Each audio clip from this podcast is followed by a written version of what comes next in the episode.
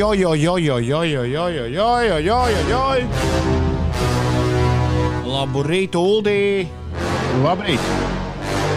Labrīt, Inesē! Inesē, labrīt! Kur Ines Ildi? Nezinu, mēs neesam kopā. Matus, matus gan jau žāvē. Labu rītu, labu rītu. Eju, ceturtdiena jau ir klāta. Urā! 10. decembris šodien mums te rādās kalendārā, ar ko arī visus apsveic. Man nav ne jausmas, kam ir vārdienas, kam ir dzimšanas dienas. Varbūt Uldim ir. Tu vari palīdzēt Uldim ar jubilāriem. Jā, tu daļai. Man te viss pa galvu, pa kaklu. Es ienāku. Pirmkārt, tu esi pamanījis, ka es guļu aizvien ilgāk mājās esot. Otrakārt, es ienāku šorīt garāžas studijā, un kaimiņš uh, ir nu, tā, lai man vairāk vietas. No galda A viss pārkrāmējis uz galda B, nu tā kā labi domādams. Man tā kā viss te bija jau salikts kaut kā jēdzīgi. Es uz jums caur puķiem skatījos, un tā.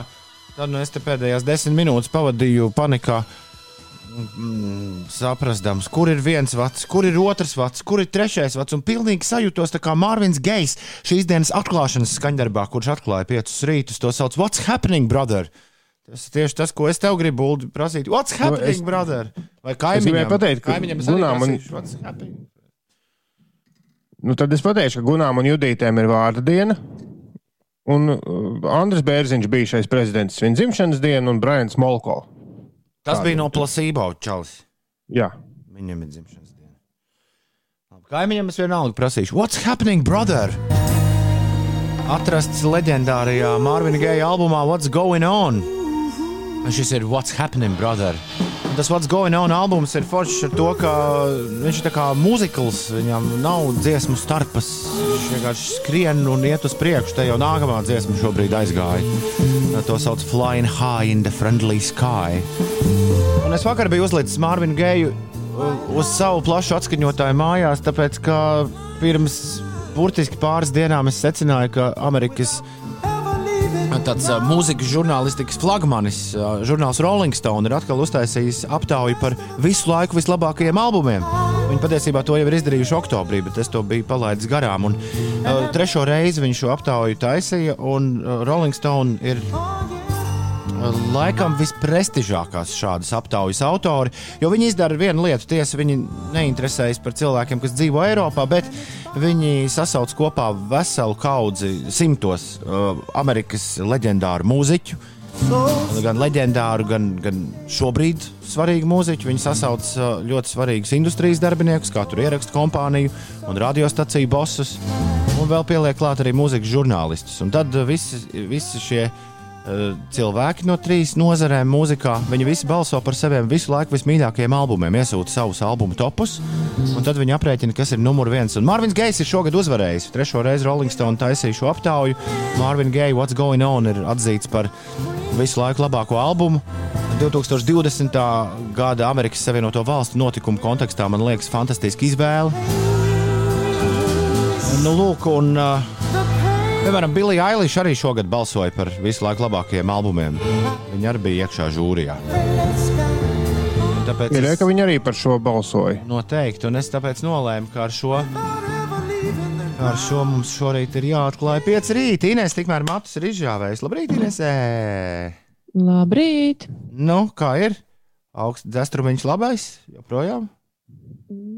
Nē, man dzīvoklī ir diezgan silti. Es esmu atvērusi pat logu. Ei, tu esi dzīvoklī, nevis laukos. Jā, Tad jau tu šodien esmu nebrauks, Rīgā. tad jau tu šodien nebrauks pēc grāmatiņas. Um, īsti tāds plāns nebija, bet uh, varbūt, varbūt arī to var izdarīt. Kas te tev lika atstāt laukus un strausa meklētājus? Mm, darbs. Ai. Taču es dzirdēju, teicienu, darbs nav zaķis, neaizbēgs, bet nu labi, labi. Nē, Ines Jā, es nesaprotu, kā tas strādā. darbs nav zaķis. Nu, zi, es esmu zaķi redzējis. Jā, Ir līdzīgs darbam. Nē. Nu, re. Darbs nav zaķis. Klau, uh, Uldi, ko Ines izmet? Nē, Ines vienā dienā teica, ka viņi tri, trīs dienas tikai būs laukos, tāpēc es par tiem pukšķīšiem īpaši nesatraucos. Jo Inesē, kā mēs dzirdam, tagad pukšķīšu vairs nav. Ah, jā, jā. Un tad, kad it īpaši podkāstu montējot, vispār ir sajūta, ka mēs atrodamies vienā studijā. Bet uh, nu, pašiem, pašiem priekš sevis, un lai izskaidrotu, varbūt kādu failerīti, kas rodas visiem runājot vienam virsū, vai, vai man atkal te pogas ne tā sabīdot, ir kārtējo reizi jums jāatgādina, ka mēs neesam kopā, mēs visi esam attālināti. Un, Un neviens no mums nav doma laukumā Latvijas radio studijā. Tas ir pats lielākais kosmos 2020. gadā. Uh, galvenā vadība notiek no manas mājas garāžas.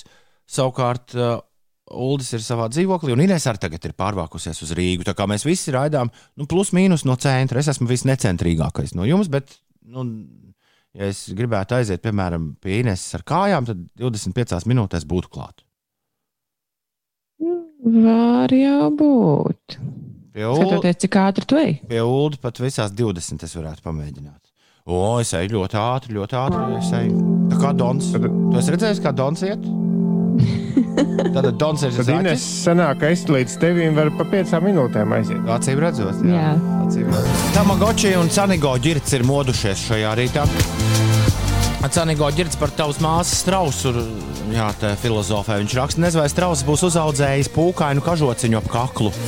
Lai visiem silti un mēs zinām, kam nebūs Ziemassvētki. Jā, zinām, gan. Sāk izklausīties, ka strausam ar tiem Ziemassvētkiem būs kā būs. Limbiskit un Breakstuff izrādās uz diska rakstīts radioversija. Hmm, varena dziesma. Mm -hmm. Tagad tev Ines, ir jāizstāsta, kas notiek. Nu, lai kaut kā uh, mm, daudz maz atgrieztu mūs atpakaļ uz zemi, bet uh, vajadzēja pamosties, un tas ir izdarīts. Tas jau pats svarīgākais, vai ne?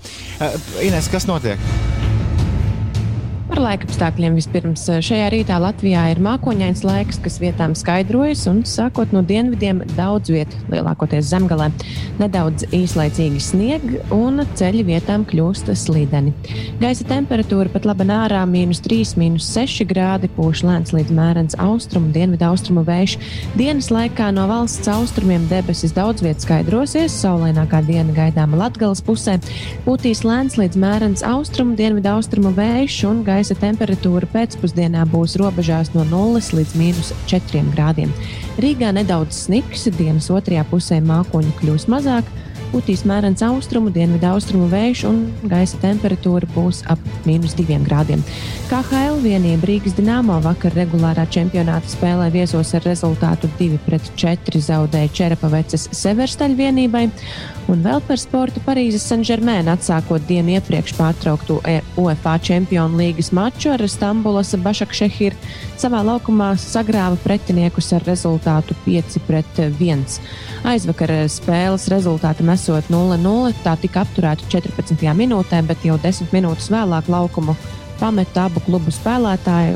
Tad vakardien šo spēli komandas eh, pabeidza no vietas, no brīža, kad tā tika pārtraukta. Es pieļauju, ka interesants ir vēl no vakardienas Champions League rezultātiem. Interesants fakts ir Inter un Šachtara 0-0 noslēdzās spēle. Porto ir apspēlējuši Olimpijākos ar 2-0. Pārējās spēlēs īsti, manuprāt, pārsteigumu nav. Vien uh, vakar Midtjylland, pat izrunāt nav iespējams Dāņu klubs Midtjylland, kur, man liekas, pirmoreiz mūžā ir tikuši iekšā Čempionu līgā un cīnās tur par kaut ko. Ar Liverpoolu nospēlē neizšķirt. Jā, viens, Jā, un- viens pret viens. Tevis iepriekš minētā Milānas, Inter un Doņetskas šahtar spēle, kas bija, kuras rezultāts bija 0-0, kā tu teici, mm -hmm. tur Mhm. tomēr Milānas komandai šis pasākums ir beidzies un tā turpina Eiropas kausa sacensības. Ai. Visiem Milā... Mans tēvs esot bijis Milānas fans. Es tikai neatceros. Vienmēr Mārim Rīmenim jāprasa. Vienmēr aizmirst, kuras. Inter vai AC. Viņiem divi futbola komandas. Divas futbola komandas, bet es iedomājos, ka noteikti ir, ir kāds Milānas Inter fans šobrīd par radioaparātu. Tad mēs viņam, protams, izsakām, izsakām lielu līdzjūtību. Nekas. Nāks citas spēles, būs labāki rezultāti. Masas klausieties mani! Singapūras satīns. Masas! Un sabiedriskais aktīvists Horens, YouTuberis.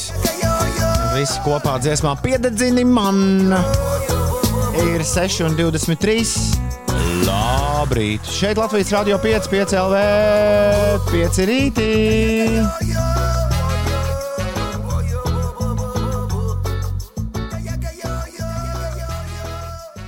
Labrīt, ceturtdienā! Labrīt, Rīga, labrīt, Latvija, labrīt, pasaulē, labrīt, Inese, labrīt, Uldī. Labrīt! Rīt. Jums abiem ir kaut kādi augi fonā. Atšķirībā no manis, man nav nekā. Tomam izskatās, ka viņam fonā ir rozmarīns podiņā. Es nezinu, kas tas par vēlnu ir. Un kas Es to- darbu? Es- Melnais kvadrāts. Es to pavisam noteikti neesmu nolicis, un tas izskatās pēc melnā kvadrāta. Jā. Bet tas nav melnais kvadrāts, tās vienkārši izlaustas skāpju durtiņas, kuras es nezinu, kāpēc tur stāv. Par garāžu vairāk, tā, par garāžu vairāk tā kā saimnieko mans kaimiņš, kurš ir startupers. Nu, jā, līdz ar to es neesmu īsti sapratis, ar ko viņš nodarbojas. Kopš es ar viņu iepazinos, bet tas nav svarīgi, jo viss viņam dzīvē labi. Viņš latviešu var pateikt, labi, ja trīs vārdus. Kaut viņš ļoti mācās ļoti cenšas arī runāt. Tīpaši ar bērniem viņš cenšas runāt latviešu, un bērni nesaprot nevēlu, tad, kad viņš mēģina to darīt. Bet jā, kaimiņš ir starters, un šī ir viņa galvenā darba vieta. Viņš šeit aizved daudz lielāku un ilgāku laiku nekā es. Es šeit glabāju savus plates un izmantoju šo vietu tajā brīdī, tad, kad ir jāraida rītradio. Kaut patiesībā rītradio varētu arī mierīgi spēlēt no virtuves, bet tad tur būtu nu, vienīgā, vienīgā problēma, kas būtu ar interneta vādu, kurš man būtu jāizdomā, kā garais, kā to ievilkt savā uh, istabā. Jā. Bet, uh, bet ir forši būt bišķiņi arī prom nu, no ik- ikrīta rīta donas, jo savādāk tā būtu dzirdama skaidri un gaiši ēterā, gluži kā tas bija martā. Kad, uh, man liekas, katru rītu jaunie cilvēki nāca un kaut ko teica ēterā. Uh, Vienmēr sakot par telpu augiem, atbild kaimiņš, un es neko par to nezinu. Inesē tā izskatās pēc papardītes, kas tur stāv uz skapīša. Nē, nav papartīta. Tā ir. ā, Mm, kā nu sauca šo? Es nezinu.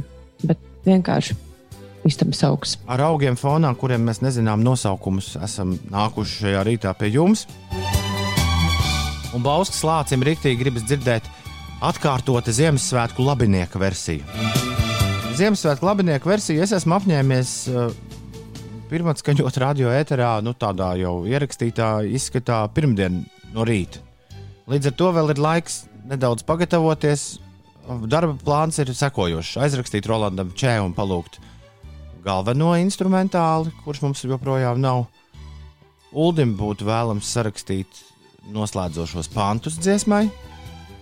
Tad, Jā. tad mums katram ar ulu ir jāieraksta savi vokāli, tad mums ir jāpalūdz Inesē ierunāt akcentu vārdiņu, un tad, principā, tas arī viss. Atliek tikai to samiksēt, un pirmdien laižam gaisā un iereģistrējam mūsu mūzikas sistēmā, lai jūs varat to izvēlēties labdarības maratonā dot pieci un kā alaži pārvēršam mūsu rīta daudzīšanos kaut kādā uh, jēdzīgā arī padarīšanā, ko ar Ziemassvētku pasakām mēs vienmēr esam darījuši. Bauskas lācis tāds ir apmēram plāns. Bet šobrīd mēs esam tieši tikpat gatavi, cik mēs bijām otrdien no rīta. Un līdz ar to, uh, jā, tev ir jātiek arhīvā apakaļ vai podkāstā jānoklausās, kā tas izklausās. Ziemeļnieks. Pagaidām es esmu pie tā vārda palicis. Ziemnieks nedara. Ziemeļnieks. Bet Kas- tur kas taču tas bija saulgriežnieks Saulgriežnieks. un, un ķekatnieks Nē. un budeļnieks un viss kaut kas tāds. Ziemeļnieks. Labā. Jo vienkārši ne, tikai tāpēc, ka Ziemassvētnieks tur ir tie četri patskaņu blakus. MSV, Ziemassvētnieks. Ziemenieks, nu jā. Nu, es vienkārši pie, ierosinātu Ziemassvētnieku aizvietot ar Ziemnieku tikai labskaņas vārdā, bez jēgas un zemteksta. Bet ziemeļnieks arī nav slikti. Ziemnieks arī nav slikti. Es pagaidām esmu darba versijā palicis pie ziemeļnieka, bet vēl jau, vēl jau pāries pāri tam visam. Katru gadu mēs šeit, agrās rīta stundās, ierakstām pašu savu Ziemassvētku dziesmu. Šoreiz, šoreiz tā ir Elijota Labenieks Ziemassvētku versija. Un tā būs pie jums. Uh, Ziemnieks pārāk izklausās rīta Jānis pēc uh, zemnieka. Bet uh, tā galvenā doma ir kaut kāds aizstājai vārds Ziemassvētkiem tieši. Tad zieminieks un ziemeļnieks neviens no Ines tiem nav nes- nekāda galvenā doma. Doma, lai labi skan. Bet kaut kāda doma taču ir pantiņā, ko ar to grib pateikt, vai tad ne? Katrā ziņā ziemeļnieks vai zieminieks nenozīmē Ziemassvētnieks vai kas nu tur bija. Nu, un? Nu, ja nedara Ziemassvētnieks, tad mums vienkārši vajag citu vārdu un viss. Es piedāvāju zieminieks.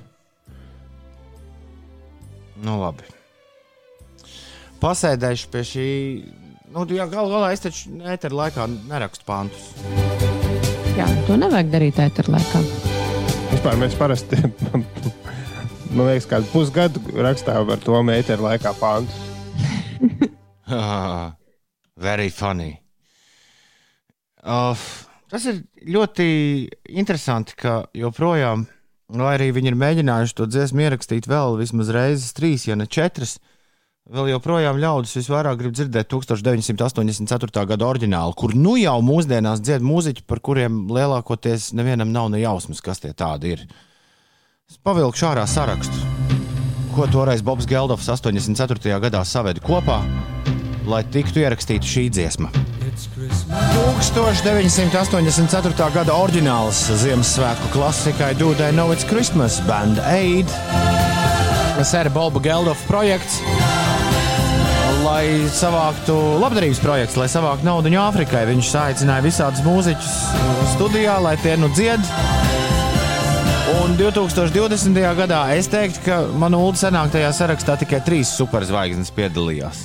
Nu, no visiem, kas tur nu pat dziedāja. Pārbaudīsim, vai Ines zina visus, kas tie tādi ir. Nu, manas trīs superzvaigznes. Ines, tur bija Bono. Tu zini, kas ir Bono? Jā, dzirdēts ir. Ko, nu, ko viņš dara? Bono. Simpsonos bija. Okay. Oh. Uh, okay. Džordžs Maikls. Tu zini, kas ir Džordžs Maikls? Nu, droši vien arī dziedātājs. Ko viņš dara tagad? Nē, kāpēc, lai zinātu, ko viņš tagad dara? Uh, Stings, uh, Stings ir dzirdēts. Jā, tas ir Ir dzirdēts. kāda grupa, ar ko Stings saistās? Man personīgi Jā, tev personīgi. mūzikas grupa. Uh, Uldi, Es man- Uldi, Uldi, Uldi, man ir aizdoms, ka neviena zvaigzne nepiedalījās šajā dziesmā. Ines aizstāvēšanai nu es pateikšu, ka Stings man asociēja, man Stings liekas slavenāks par grupu. Droši vien, ne, mūsu platuma grādos droši vien. Nu, neuztraucies ļoti. Es esmu dzirdējuši šos uh, visus trīs, bet, uh, ja tu man tagad prasi viņu kaut kādu biogrāfijas sīkumus vai kaut Nē, nē, kādas es domāju, ka specifiskākas ā, lietas, tad, skaidrs, ka es nevarēšu Nē, nē, atbildēt. neapvainojies. Ines, es par uh, superzvaigznēm parasti domāju, ka tas ir cilvēks, kuru pasaka, un tad nerodas jautājumu, kas viņš tāds ir. Bet šoreiz man liekas, Bet ka es, visiem... vai man radās jautājumi? man radās jautājumi. Jā, nu, es zinu par šo singlu, es tagad arī skatos Wikipēdijā. Jā, status quo izmeta no uh, turienes, viņi kaut ko ierakstīja, bet kaut kas tur nesanāca. Nē, Tur rakstīts, ka Un Boy Francis George? Rossi piedalās no status quo. Ka Viņš dzied. Nu, laikam korī vai kas, nu, tur kaut kāds ar viņu bija skandāls. Okay. Un Boja Džordžs uh, aizgulējās un pamodās Ņujorkā. Bet vienalga kaut ko iedziedāja. Viņu at atlidināja ar Concordi. tajā pašā dienā. Ļoti nu, ne labi. speciāli pīrēt, bet vienkārši tajā dienā bija lidojums pēc dažām stundām. un Viņš pa, pagūs vakarā pusi ierasties Londonā. Brīnišķīgi. Jā, pat Pols Vēlers piedalījās šajā ierakstā. Tolēk no grupas Style Council viņš tur pierakstīts.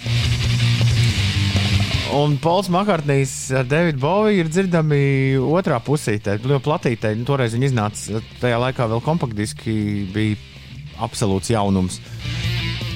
Šī dziesma tika izdota mazajā skaņu platītē, 45. ātrumā. Otrā pusē tur ir ļoti interesants skan fons, un tur visādi cilvēki runā vienkārši kaut ko par Ziemassvētkiem. Un interesanti, ka Deivids Bovijs un Pols Makārtnīs, kuri, ja būtu iedziedājušies šajā gabalā, būtu tā vērtība uzreiz, nu, abi divi pa kādiem 30% palielinājuši. Viņi ir dzirdami tikai tajā otrā pusītē, kur cilvēki runā. Un uh, nākamreiz es varētu, tad, kad pienāks laiks mums, ja pienāks laiks vēl līdz Ziemassvētkiem spēlēt šo dziesmu, es varētu uzlikt to versiju, kurā viņi runā. Tas man liekas, būtu interesanti, jo es pieļauju, ka jūs nekad to nesat dzirdējuši. Ir ā, 6,36 minūtes. Labrīt, visapkārt! Man te viena tēma, jā, kuras pāris dienas jau mēģ, esmu gribējis jums abiem diviem lūgt padomu, bet kaut kā tas nav izdevies, jo visu laiku jārunā par vai nu par bandēdu, vai par to, kas ir labāk ziemeļnieks vai, vai, vai ziemeļnieks. Vai kas nu ir tas, par ko mēs vakar atkal runājām, agrā rīta stundā? Pandēmijas laikā ir viena ļoti jauna parādība, ar ko es saskaros, un uh, savā burbulī ar cilvēkiem, kuri man ir blakā, mēs arī saskaramies. Uh, uh, tad es neesmu vienīgais, kurš ar šo ir saskāries.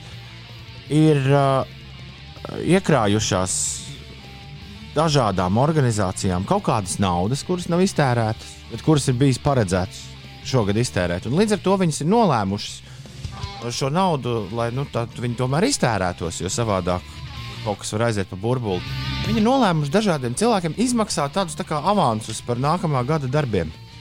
Šā rezultātā es esmu, man ir nokritis uz galvas av avans par, par pasākumu, ar kuru man būs jānoņemas mājā.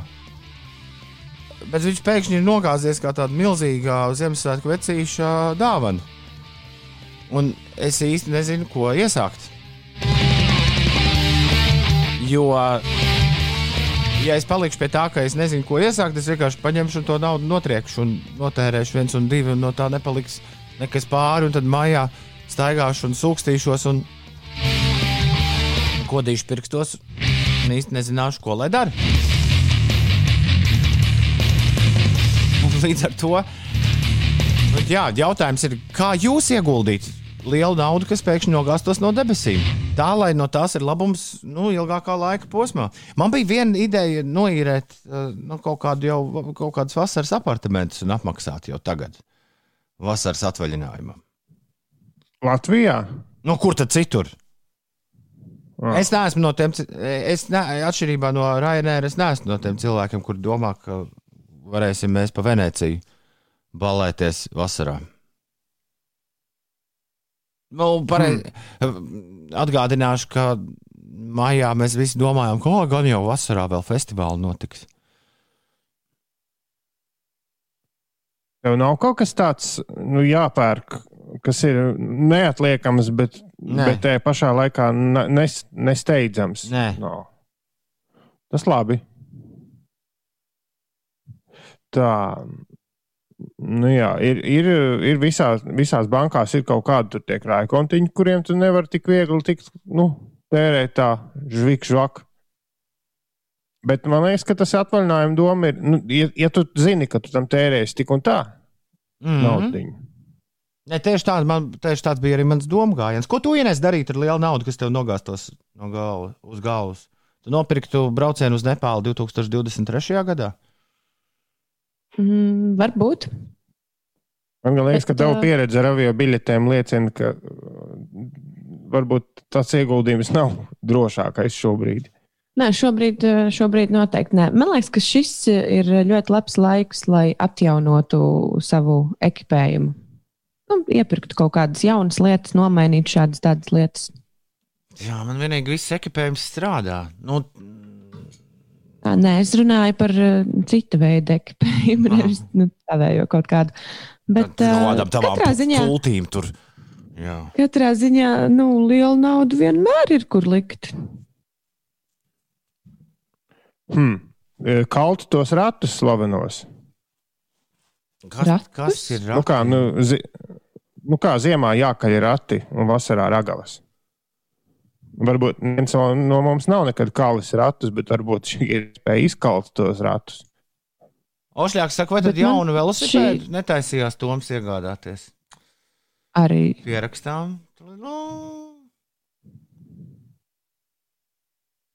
Siguldas Edgars nopirktu zelta monētas, un tad pēc pusgada paskatītos. Cerams, cena būs augšā. Nē, nē, nē, nē, nē, nē, nē, nē. Šos ieguldījumus, lai veids kāds cits.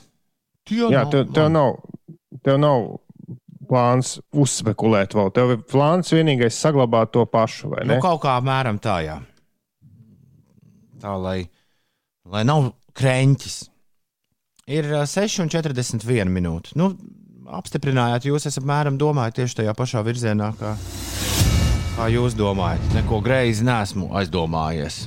Bet par riteni paldies, kas man atgādināja. Es to vispār biju piemirsis. Jo šļāk līdz velo sezonai vēl kādu pāris, manai velo sezonai droši vien vēl kādu pāris mēneši ir palikuši. Inês, kas notiek? Es velo sezonu vēl neesmu noslēgusi. Apsveicu. Labi, ne par to. Apsveicu. Eiropas zāļu aģentūra ir cietusi kiberuzbrukumā. Tās laikā ir piekļūts dokumentiem, kas ir saistīti ar iesniegumu regulātoram apstiprināt ASV un Vācijas kompāniju Pfizer un BioNTech izstrādāto Covid-19 vakcīnu. Amsterdamā bāzētā Eiropas zāļu aģentūra īsā paziņojumā savā mājaslapā neatklāja detaļas par incidentu, vien norādīja, ka tas tiek izmeklēts. Eiropas zāļu aģentūra lemj par medikamentu izmantošanas apstiprināšanu Eiropas Savienībā un vēlākais decembra beigās lems par šo uzņēmumu izstrādātās vakcīnas apstiprināšanu. Vakar šo vakcīnu kā otrā valsts pasaulē apstiprināja Kanāda dienu pēc tam, kad eh, vakcinācijas kampaņu sāka Lielbritānija, un arī Izraels premjerministrs Benjamins Netanjahu paziņoja, ka vakcinācija pret jauno koronavīrusu valstī sāksies 27. decembrī. Vēl Netanjahu piebilda, ka veselības ministrija strādā pie zaļās pases, kuru saņems vakcinētie cilvēki, un viņi ar to varēs brīvi apmeklēt pasākumus, veikals un visa veida pakalpojumus. Tas par Izrēlu. Pag, pag, pag, pag. Tu saņemsi pasi, un tad tev tā pasi būs, Izrēlu tā runājot. pasi būs jārāda visur. Nu, e, Tā zaļā pasta, tas ir tāds uh, termins pēdiņās. Nu, ne, nav nekur teikts, ka Tas tev tā kā zaļā pietura. Nu, nē, tu nevari zaļo pieturu salīdzināt ar zaļo pasi. Nu, tev katrā ziņā būs kāds dokuments, ko tu varēsi uzrādīt, ka tu esi vakcinējies, un tad Izrēlā tu varēsi apmeklēt. Tas ir attiecās uz vietējiem iedzīvotājiem. Tu varēsi apmeklēt pasākumus, veikals un, un gūt arī dažādus pakalpojumus. Vai tu saprati? Jā, es sapratu, ka Telavivā tajā pludmalē balīts visticamāk nākamā vasara būs. Re, kur instrumentu jaunais gabals? Skaistais salāts, kā Inesē izklausījās pirmajā reizē. Dziesma no speciālas labdarības plates, kas ir radīta labdarības akcijai Eņģeļi pār Latviju. Instrumenti un uh, skaņdarbs skaisti savāds 6,47 minūtēs. Mēs, jā, tas ir ļoti interesanti. Šeit uh, esot attālināti, mēs ar pulksteni draudzējamies krietni savādāk nekā tad, kad es mēdzu doties uz studiju, bet pagaidām neviens nav sūdzējies par to. Proti, mums nu, viss notiek tādos interesantos laikos, un runājam mēs, starp citu, krietni vairāk nekā, nekā tad, kad es uzpasēju visas lietas studijā. Jā, šorīt, jā, šorīt mums ir runājums. Nē, nē, tas ir arī jau vakardiena, aizvakardiena un aiz aizvakardiena. Arī po- podkāsti ir krietni, krietni garāki nekā, nekā normālos laikos. Bet nekas. Man, piemēram, jūs jau zināt, rubrika ar nosaukumu Laika mašīna vairāk izraisa pumpas nekā lielu prieku. Tāpēc laika mašīnas vietā šorīt bēdīgi slaveno mērķu spēle. Juhu! Inesē. Mēs sākam, ja? Nu, jā. Tas ir jūs sākat. Es Mēs dodos, es Ines, dodos uz virtuvi. Ines mūsu trīs savienību pamet. Atā Ines. Ines izņem austiņas un dodas uz virtuvi. Virtuvē radioaparāta Inesē nav, tāpēc viņi tur mūs nedzirdēs. Tad mēs ar Ulu izdomāsim, kas Ines ir. Ines atgriezīsies, un tad viņai būs jāmēģina uzminēt, kas viņa ir. Nu, kaut kā tā notiek bēdīgi slaveno mērķu spēle šajā rīta šovā. Tā, nu, kas Ines būs? Ulu? Man ļoti uzrunāja jūsu saruna par pasēm. Un tad es sāku meklēt Par uh, pasēm, kā à, tā par Izrēļiem. Jā, par zaļo pasi. Un tad es aizdomāju, bez zaļās pases, kāda vēl, kādas vēl ir pases. Un bija viena doma, ka Ines varētu būt vilka pase. Bet vilka pase ir tik neuzmināms termins, jo Es tas pat- nav ne. Es pat nezinātu, kas tas ir.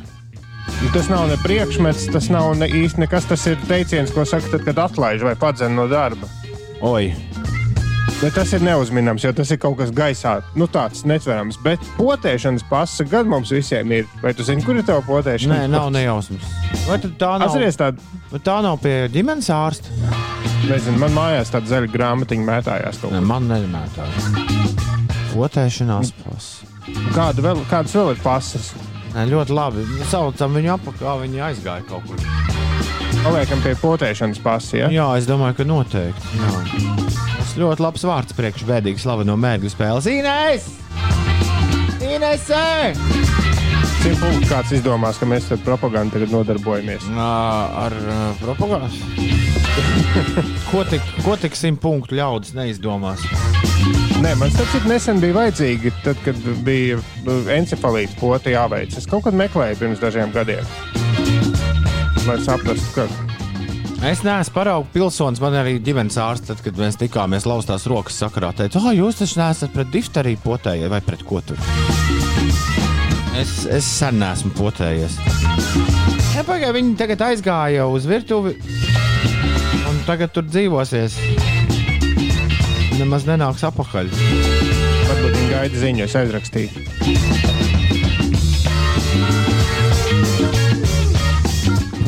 Potēšanas pasē.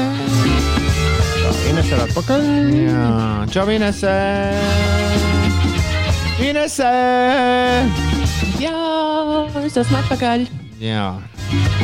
Mēs jau kādu laiku tevi te saucam. Nu, stāsti. Ej, nu, ej. Mēģini noskaidrot, kas tu esi. Jā. Es esmu kaut kas, kas ir saistīts ar strausa medībām. Nē, Nē, Nu, labi.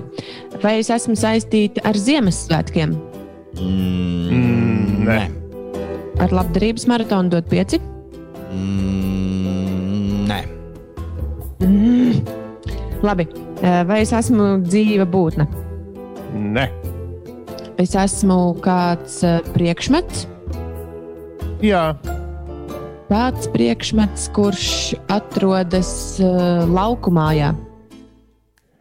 nu, tas var atrasties jebkur. arī dzīvoklī.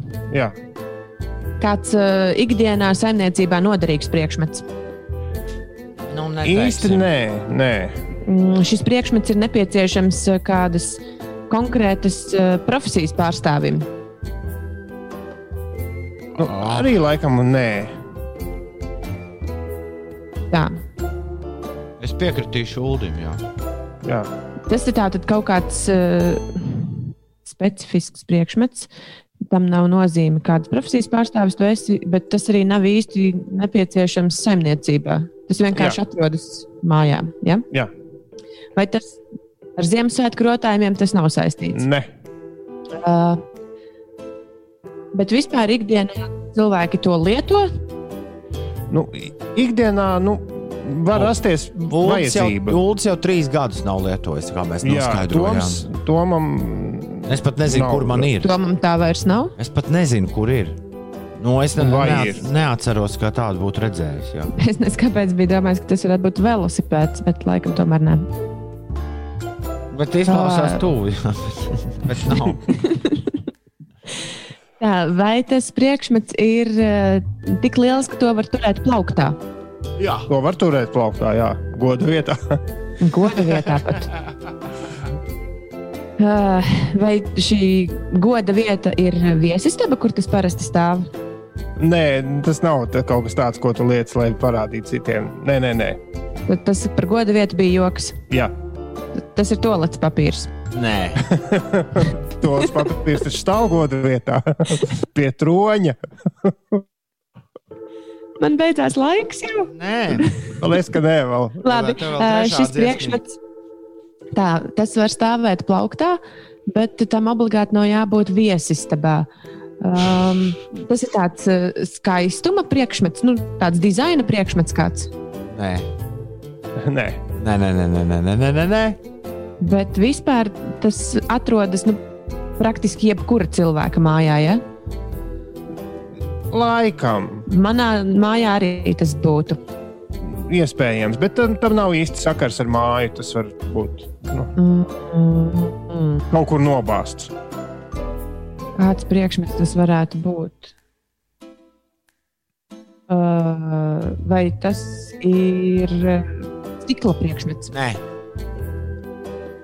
metāla? nē.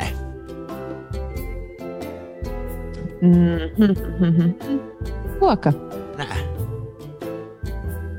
ak, šausmas.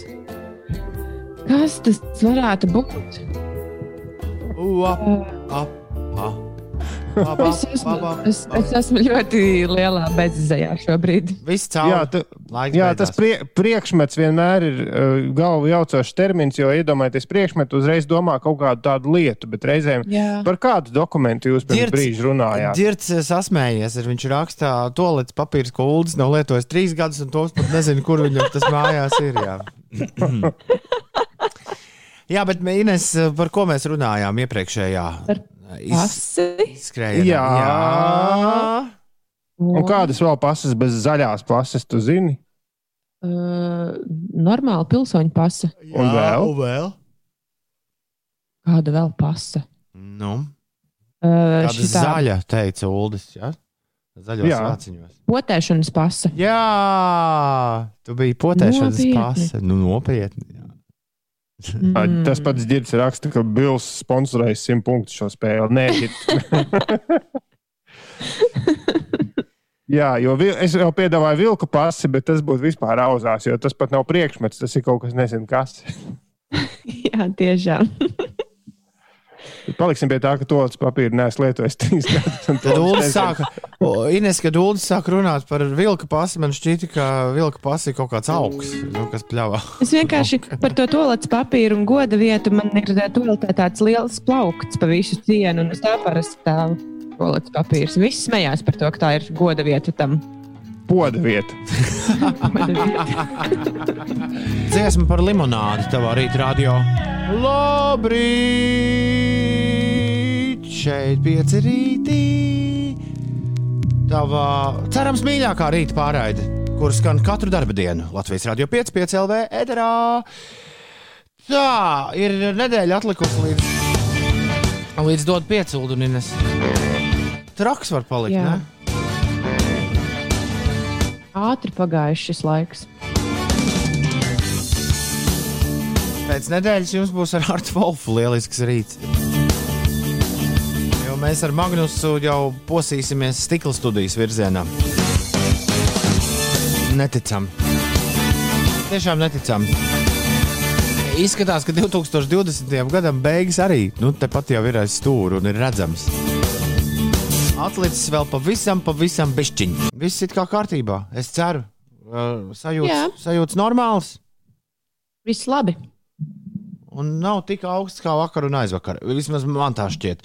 Kas tur ir aiz loga, nu, tas uh, cits jautājums. Bet tur, lai iet kāds un mēra, man šeit nav pieejams nu, tāds termometrs, kurā uzreiz ieskatīties un saprast, kā ir. Vai ir labāk, vai sliktāk, vai, vai, vai kā tur īsti ir. Ko tev ULD rāda termometrs? Neko. Termometrs neko nerāda, bet man e-pasts rāda, ka klausītāji ir uh, šokā, ka Ines nezina, kas ir Bono. Bet man liekas, Ines labi zina, kas ir Bono. Es neteicu, ka es nezinu. Jā. Jā. Citādi viss man, man īsti nav termometrs. Es esmu laimīgs cilvēks un laimīgie laiku neskaitu. Grādus arī ārā. Ja? Jā, priekš kam? Laimīgie grādus neskaidrs. Ārā. Jā, jā, ārā, ārā, ārā. Ārā, ārā.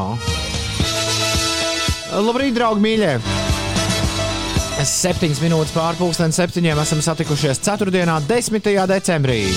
14 dienas līdz Ziemassvētkiem, 7 līdz labdarības maratonam dod 5 un 21, ja precīzi 3 nedēļas. Līdz 2020. gads būs beidzies un sāksies nākamais gads ar nākamajiem pārsteigumiem. Mm. Ta-da-da. Ta-ta-da-ta-ta-da. Ta-da-da-da-da. Ta-da-da-da-da. Šodien Gunai un Judītai ir vārdu svētki. Sveiciens viņām, bijušajam valsts prezidentam Andrim Bērziņam šodien dzimšanas diena. Basketbolistai Zanai Eglītei daudz laimes no Plasībo. Brians Molkovs viņa dzimšanas dienu. Un Ziemeļīrijas angļu režisors, producents un uh, scenārists Kenets Brananks viņa dzimšanas dienu. Uh, ļauj minēšu, Ulu, viņš ir Peaky Blinders autors. Nē, viņš ir uh, ļoti daudz Šekspīra lugām strādājis. Man liekas, ka viņš ir tiešām tāds teātris vairāk cilvēks. Ah, ok, labi. Mārta arī kādreiz bija teātris cilvēks vairāk. Tagad pasties ar busulu kopā dziedu. Pasauli pagaidīs, piecēl vēl labrīt. Tāda Stilīga popmūzika mūsu Martai labi sanāk. Martas debijas albums lietas, kas notiek manā galvā, no tās pasauli pagaidīs. No tā pasauli pagaidīs dots ar interbusoli. 5 LV, 7.12. Labrīt! Cēlies augšā! Izklausās baigi skari. Nav sajūta, vajag aizkaisīt durvis. Aiztais durvis! Es teikšu, šito dziesmu. Ines vai Uldais, kurš no jums aiztaisīs durvis? Ko? Ir, uh, Nevar aizsniegt. ir 12 Tālu minūtes. jāiet, jā. 12 minūtes pāri pusdienas septiņiem. Labrīt, rekur neighborhood un sweeter weather. Uhu! Man šķiet, ka bišķiņa klusums bija radio viļņos.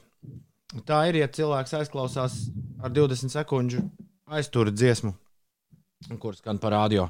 Es ļoti atvainojos par to.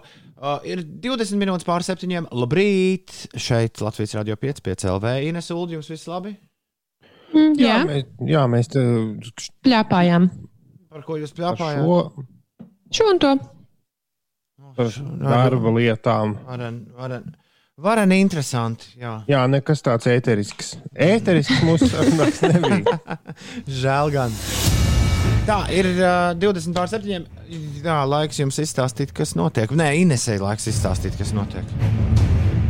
Jā, izstāstīšu gan, kas notiek. uh, Laikam sākšu vispirms ar laika apstākļiem, un tad izskaidrošu citas lietas, kas ar tiem saistītas. Tātad šajā rītā Latvijā mākoņains laiks vietām debesis skaidrojas, bet sākot no dienvidiem un daudz viet lielākoties zemgalē nedaudz īslaicīgi snieg, un tas nozīmē, ka vietām autoceļi kļūst slideni.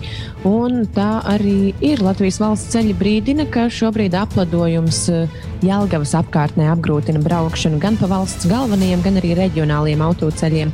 Jelgavas šoseis posmā no Jelgavas līdz Meitenei un arī Liepājas šoseis posmā no Kaģiem līdz apšupas krustojumam ir apgrūtināti braukšanas apstākļi.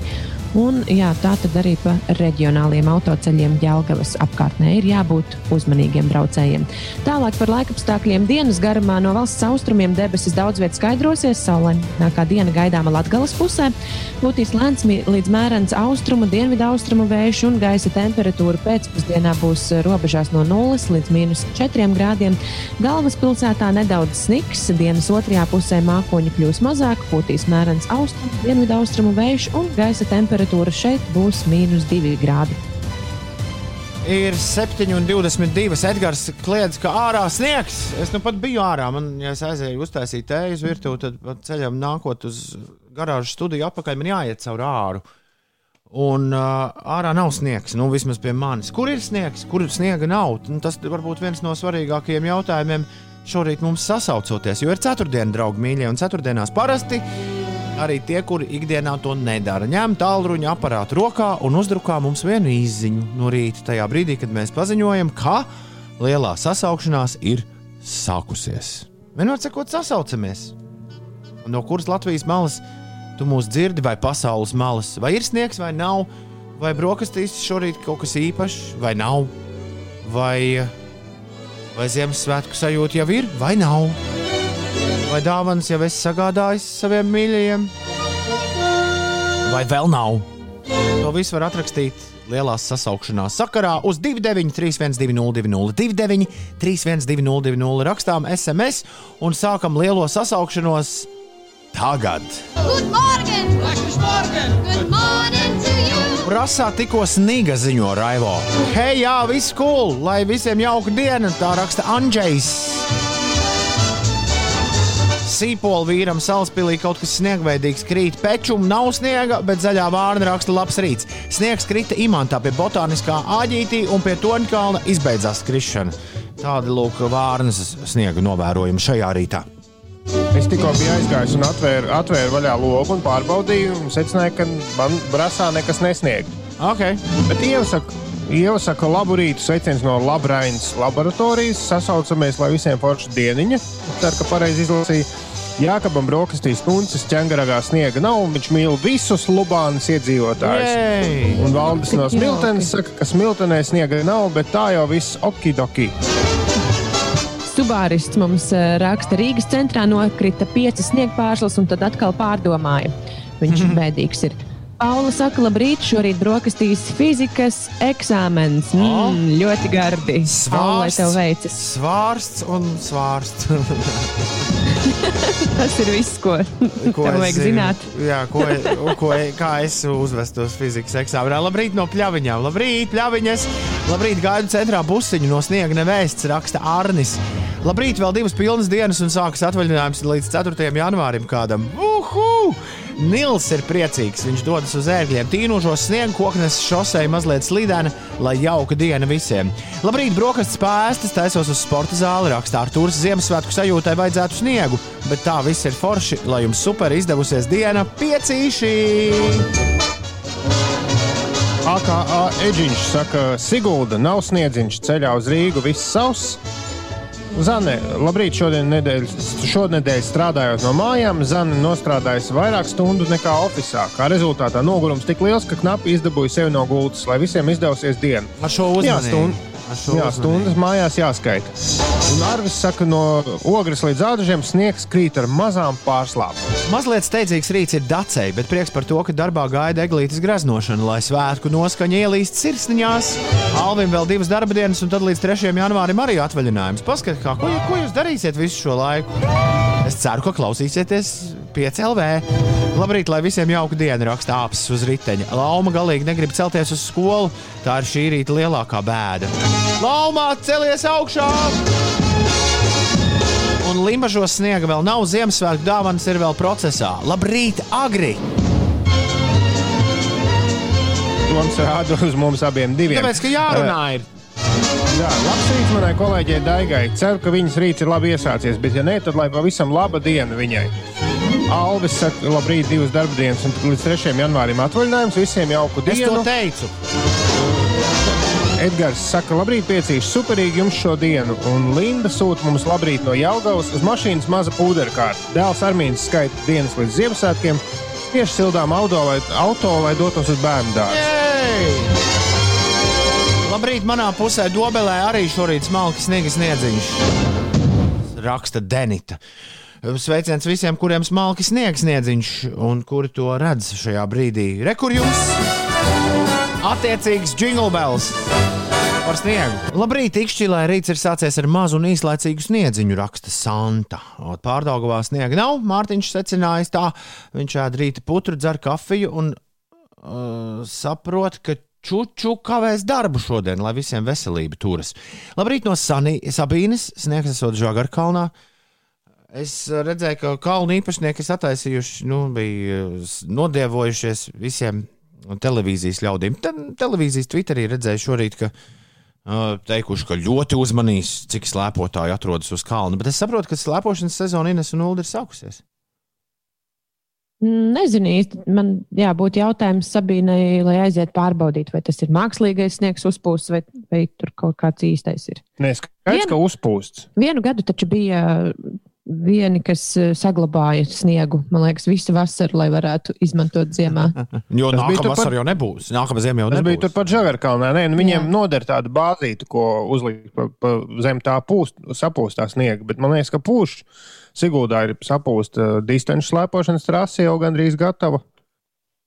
Labrīt, diemžēl Valmjerā sniega nav, raksta Linda no Valmjeras. Gaidām, kad būs. Ar divus mēnešus veco dēliņu jūs klausāmies katru rītu, un paldies par fēniem rītiem, lai visiem superīga diena. Paldies, Linda, prieks, ka esi kopā ar mums. Labrīt, viena kafija pa ceļam uz darbu un var sākt strādāt. Ārā augsts un krīt retas sniega pārslas tukumā, tā raksta Mārtiņš. Uh, ap pieciem no rīta ērglim sniega pārslas dancoja pie dzīvokļa loga Jēlgavā. Ziemassvētku noskaņojums ērglim jau ir vairākas dienas, tāpēc viņš klausās mūsu Ziemassvētku radiostaciju. Ziemassvētki 5 LV. Ērgli, tu esi izvēlējies īsto radio. Un Olīte raksta, labrīt, no sniega nesmakas, lietus līst un gaišs nav bijis vairākas nedēļas. Ziemassvētku sajūtu rada dāvana rūpēšana un dod pieci maratonu gaidīšana. Un padomā, padomā, dod pieci maratons ir vairs tikai nedēļas attālumā. Pēc nedēļas, 17. decembrī, 2012. mēs dosimies iekšā stikla studijā. Un sāksim vienu lielu pirms Ziemassvētku piedzīvojumu. Skanot, protams, šai dziesmai.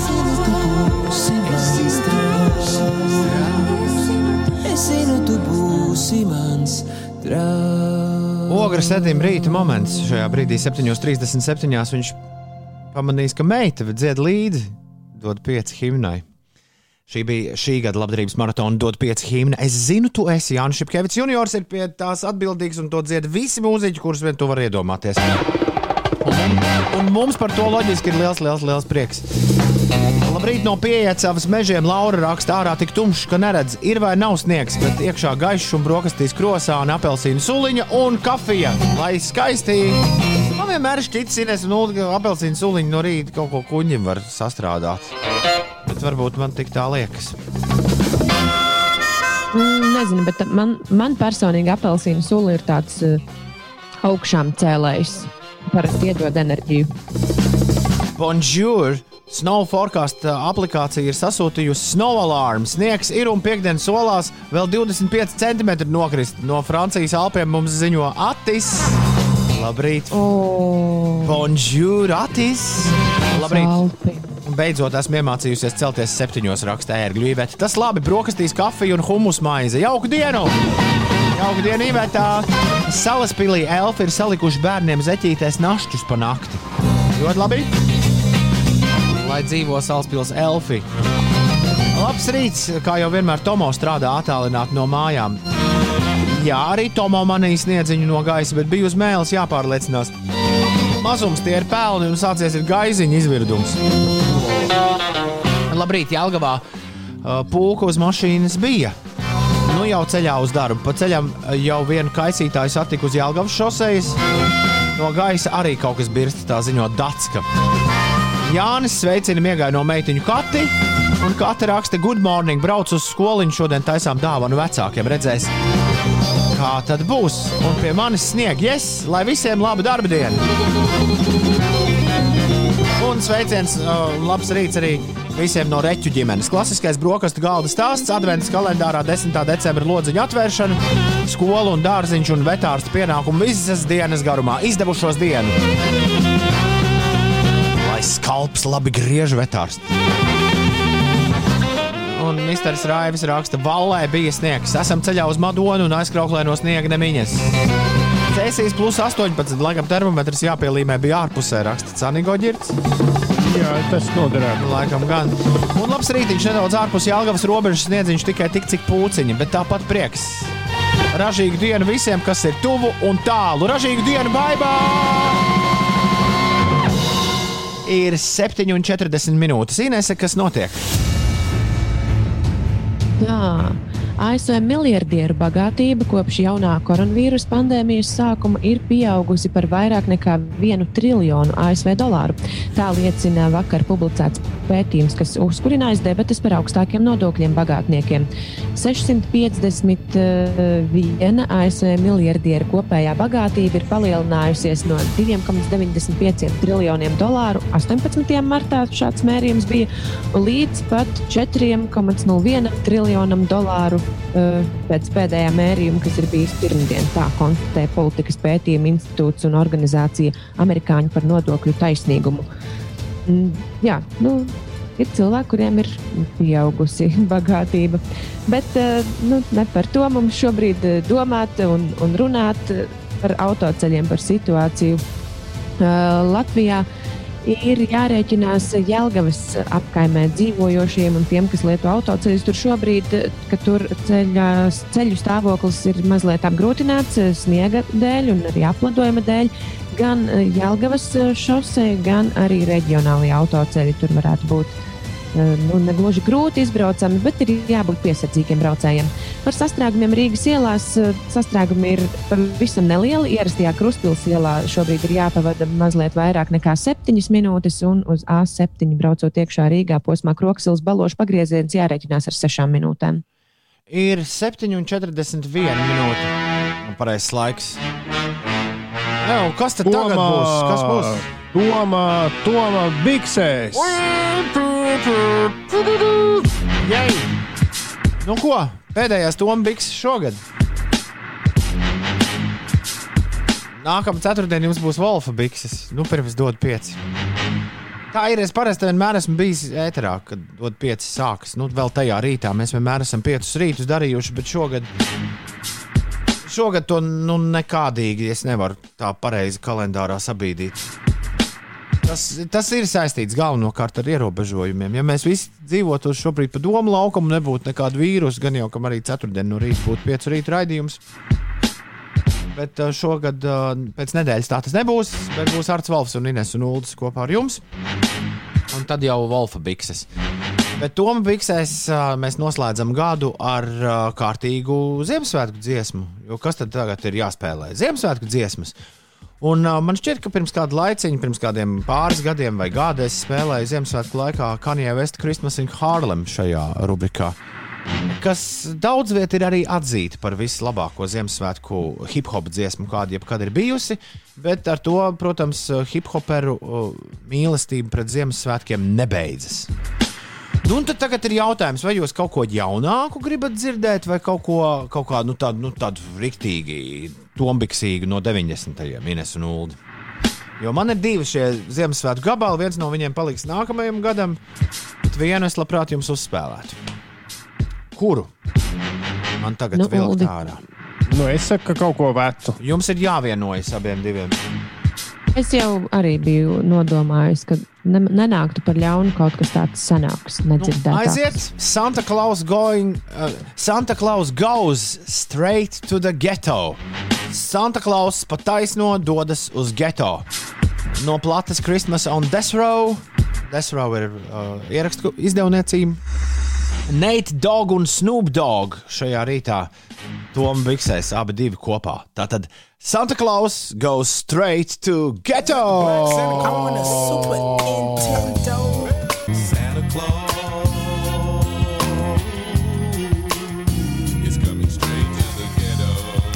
Lieliska dziesma, paldies, raksta pienene. Salavecim šogad platākas bikses un zelta ķēdes vecītas ar blingiem, rakstīja Jānis Jānītis. Ļoti laba bikšu kabata šodien, Vetārs Kristaps rakstā. Un pēčus arī Ulu un Ines jums saka paldies, ka izvēlējāties īstu klasiku. Nate Dogg un Snoop Dogg Santa Claus goes straight to ghetto. Iekšķi to un biksēm šajā rītā, ceturtdienā, 10. decembrī, Ziemassvētku laikā. Iedomājieties, kādam mūsu klausītājam rīts iesākās ar sievas mātes zvanu pie durvīm un lūgumu pēc telefona lādētāja. 15 minūtes miega nost. Padingš. Bet uh, gan jau kādu citu dienu būs apakaļ. Labrīt, esmu ceļā uz skolu, gribu attālinātās mācības, raksta kāds uh, pirmo klašu skolēns. Labāk uzmanies no tā, ko tu vēlies. Ir Ziemassvētku laiks, nevajag izteikt vēlmes, nu tāpat vien aiz neko darīt, jo tas tur vīrs ar bārdu, viņš klausās. Viņš klausās, viņš klausās visu. Viņš klausās radio, viņš klausās, ko domā. Visu viņš klausās. Uh, Krišāns Barons. jā, solidarizējoties ar jums, piecīši sataisi, attaisīja vaļā logu, raksta Erika Onkuls, lai ir nedaudz vēsi. Mīļš, paldies! Meitai Matis apīti raksta Māris. Meita noteica, nav interesanti, jo nav sniega. Bet ziņās tā solīja, ka būs. Nu, pagaidi, nu, šur tur ir, mēs jau to klausāmies. Dārzciemā vienīgi nav, un raksta, nav. Nu, sniegs lavās. dārzciemā- Viņš pavīd kaut kur vienā vietā, tad ātri aizskrien uz imantu, tad āgenskalnu, mm. tad vēl kaut kur. Dārzciemā sniegs nav un brokastis apēstas. Jauku dienu visiem un vēl. Uh, Nīderlandē mums šorīt klausās Rihards ar Ilvu. Viņa raksta, pilsētā ūdeni nemiņas no ziemas. Vien mīnus viens grāts ārā. Pagājušajā gadā visu ziemu divas reizes uz stundu bija uzsnidzis. Kas zina, kā būs šogad? Stundu atpakaļ Ājēna raksta, Ozolniekos nokrita desmit milzu pārslas, un ar to arī viss beidzās. Un Saula grib zināt, es domāju, ka te Ulas var ar kādu padomu uh, palīdzēt. Labrīt, kā dabūt, lai bērni ātrāk saģērbjas zem drēbēm?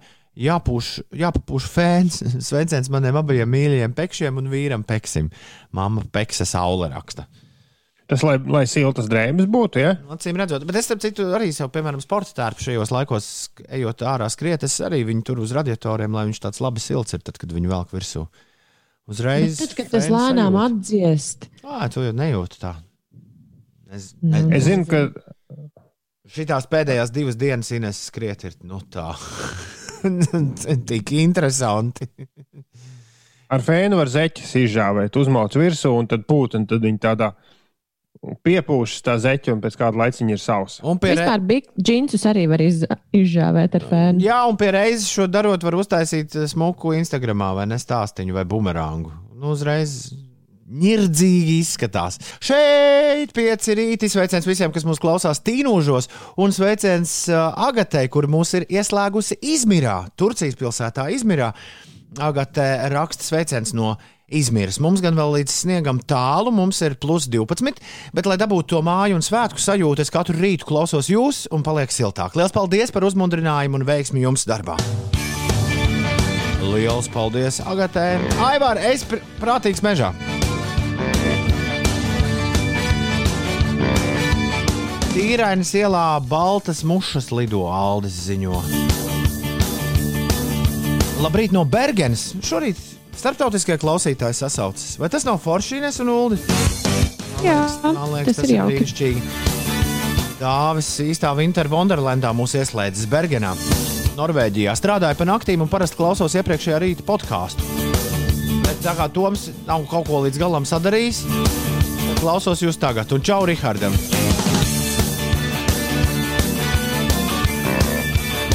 Toms viss sadarīs, Dāvis, neuztraucies. Labrīt, kādreiz klausījos tikai CD audio, tagad sāku klausīties radio, un vēl kaut kā nejauši sāku klausīties pieci radio rakstīja Jānis. Sajūta, nu jau tā ir neatņemama sastāvdaļa dzīves. Jauku jums dienu, un paldies par radio! Jā, nav par ko. Lai viss labi skan. Pieci.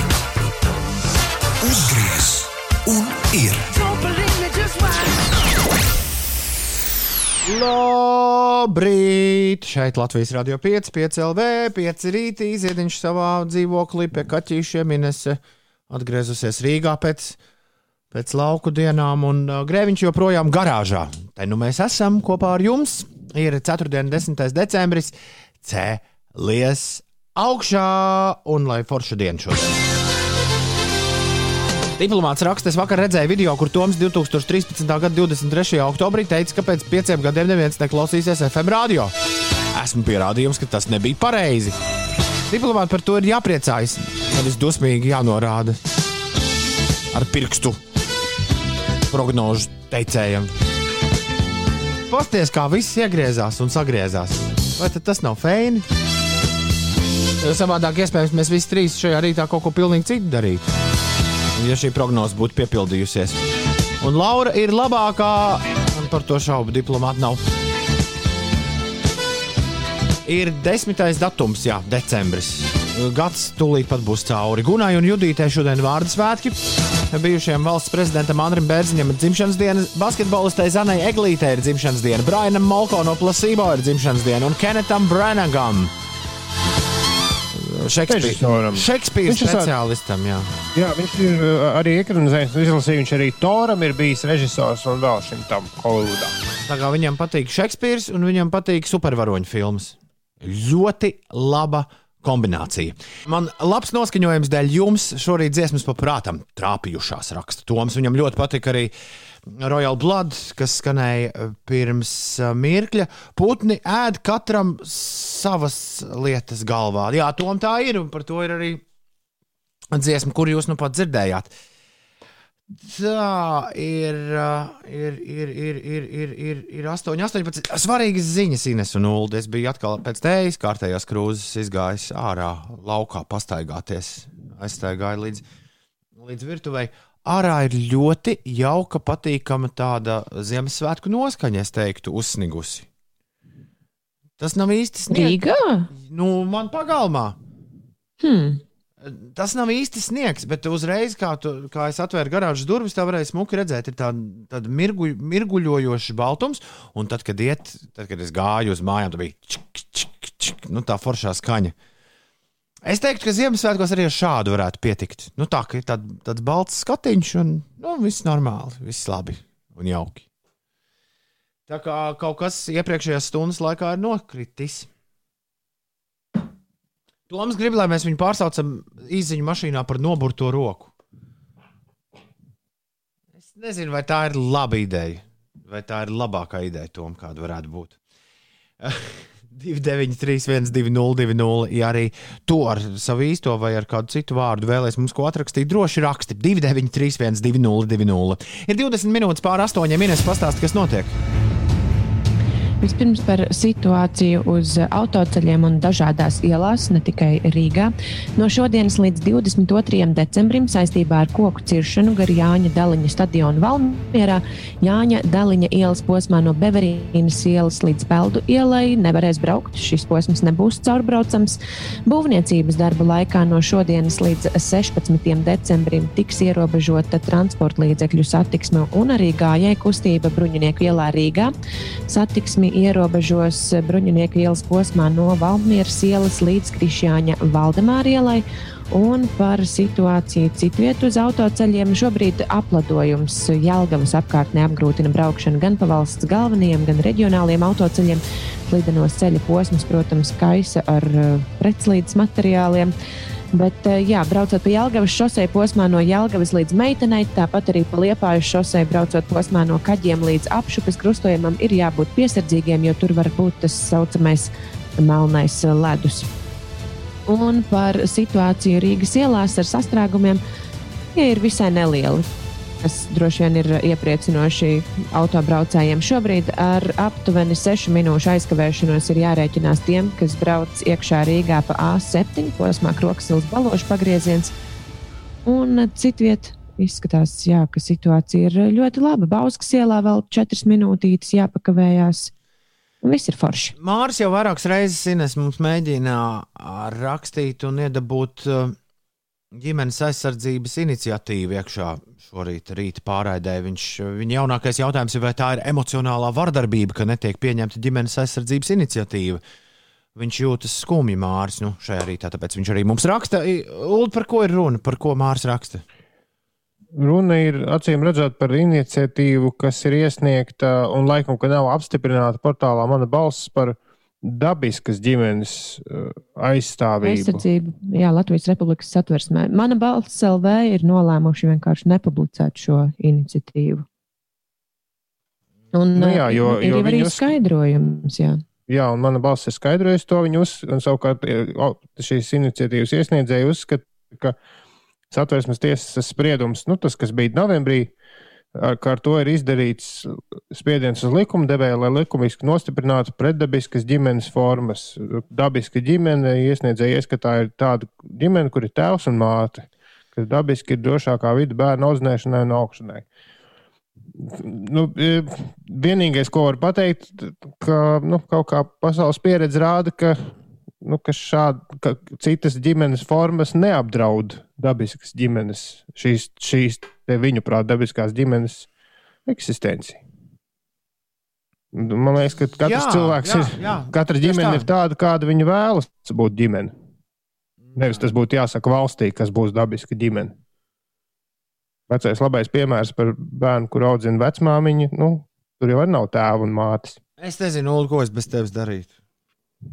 Nu, jā, bet man liekas, Ja, ka tu, ne, tu nopietni, tu, tu perfekti šo visu pateici. Nu, Man, man pat nav vispār ko piebilst. jā, nav ko bāzties citu ģimenēs. Domā par savu. The Ronets! Super stereo dziesma no tā tur.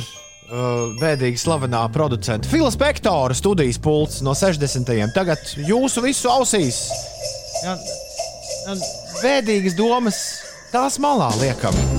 Un priecājamies par to baltumu, kurš šur tur parādījies šajā rītā Latvijā. Hei! Aiziet pretī Ziemassvētkiem! Viss kopā! Piecēl vētrā! Ko? Ziemeļblāzma kaut kur bija. Cits Andris prasa, vai kāds redzēja naktī ziemeļblāzmu. Vai tad tādu aurora borealis var mūsu pusē arī ieraudzīt? Vakar eh, runāja, ka varēšot. Mm. Bet vai kāds to patiešām ir redzējis? Es pat lasīju uh, kādu nelaimīgu tvītu, kur kā, kāda meitene bija rakstījusi, ka simt kilometru nobraukusi, lai redzētu. Bet nekā. Simtu kilometru. Jā, Vienu dienu, negulēta naktis un tā. vien dienu mēs brauksim uz Somiju, skatīties to aurāli, aurālis, borealis Vai, vai Sigrīda debesīs. vai Sigrīdu debesīs. Kādu, kādu dienu tas notiks, bet pagaidām paliekam mājās un katrs savējās un turpinam izolēties un, un darīt visu pārējo, kas ir jādara, lai, nu jā, lai viss veseli. Tas šobrīd ir pats svarīgākais. 8,27 minūtes. Līdz šī gada labdarības maratonam dod 5, atlikušas 7 dienas. Sako līdzi, dod 5 LV. Vardarbība ģimenē ir kā aburtais lokus, no kura bez citu palīdzības ir grūti tikt ārā. Piedalies labdarības maratonā, dod 5 un ziedo ar dziesmu. Tavi 5 eiro būs stunda drošībā cilvēkam, kurš bēg no vardarbības ģimenē. Palīdzi izrauties! Aicina sabiedriskie mediji sadarbībā ar Rebaltiku un Ziedot LV. Ienāc dot 5 LV. Nu, lūk, pēc nedēļas, pulksten 12. dienā, sāksies lielais notikums. Sāksies labdarības maratons, dod 5.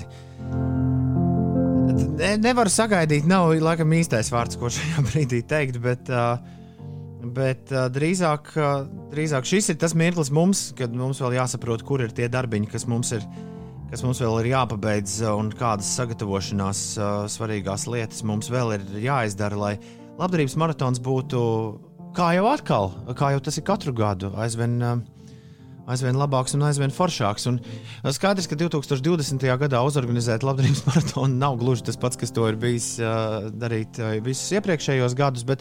Man liekas, pagaidām mums viss ir labi sanāk, Uldi. Kā tu no aizkulisku puses to visu raksturot?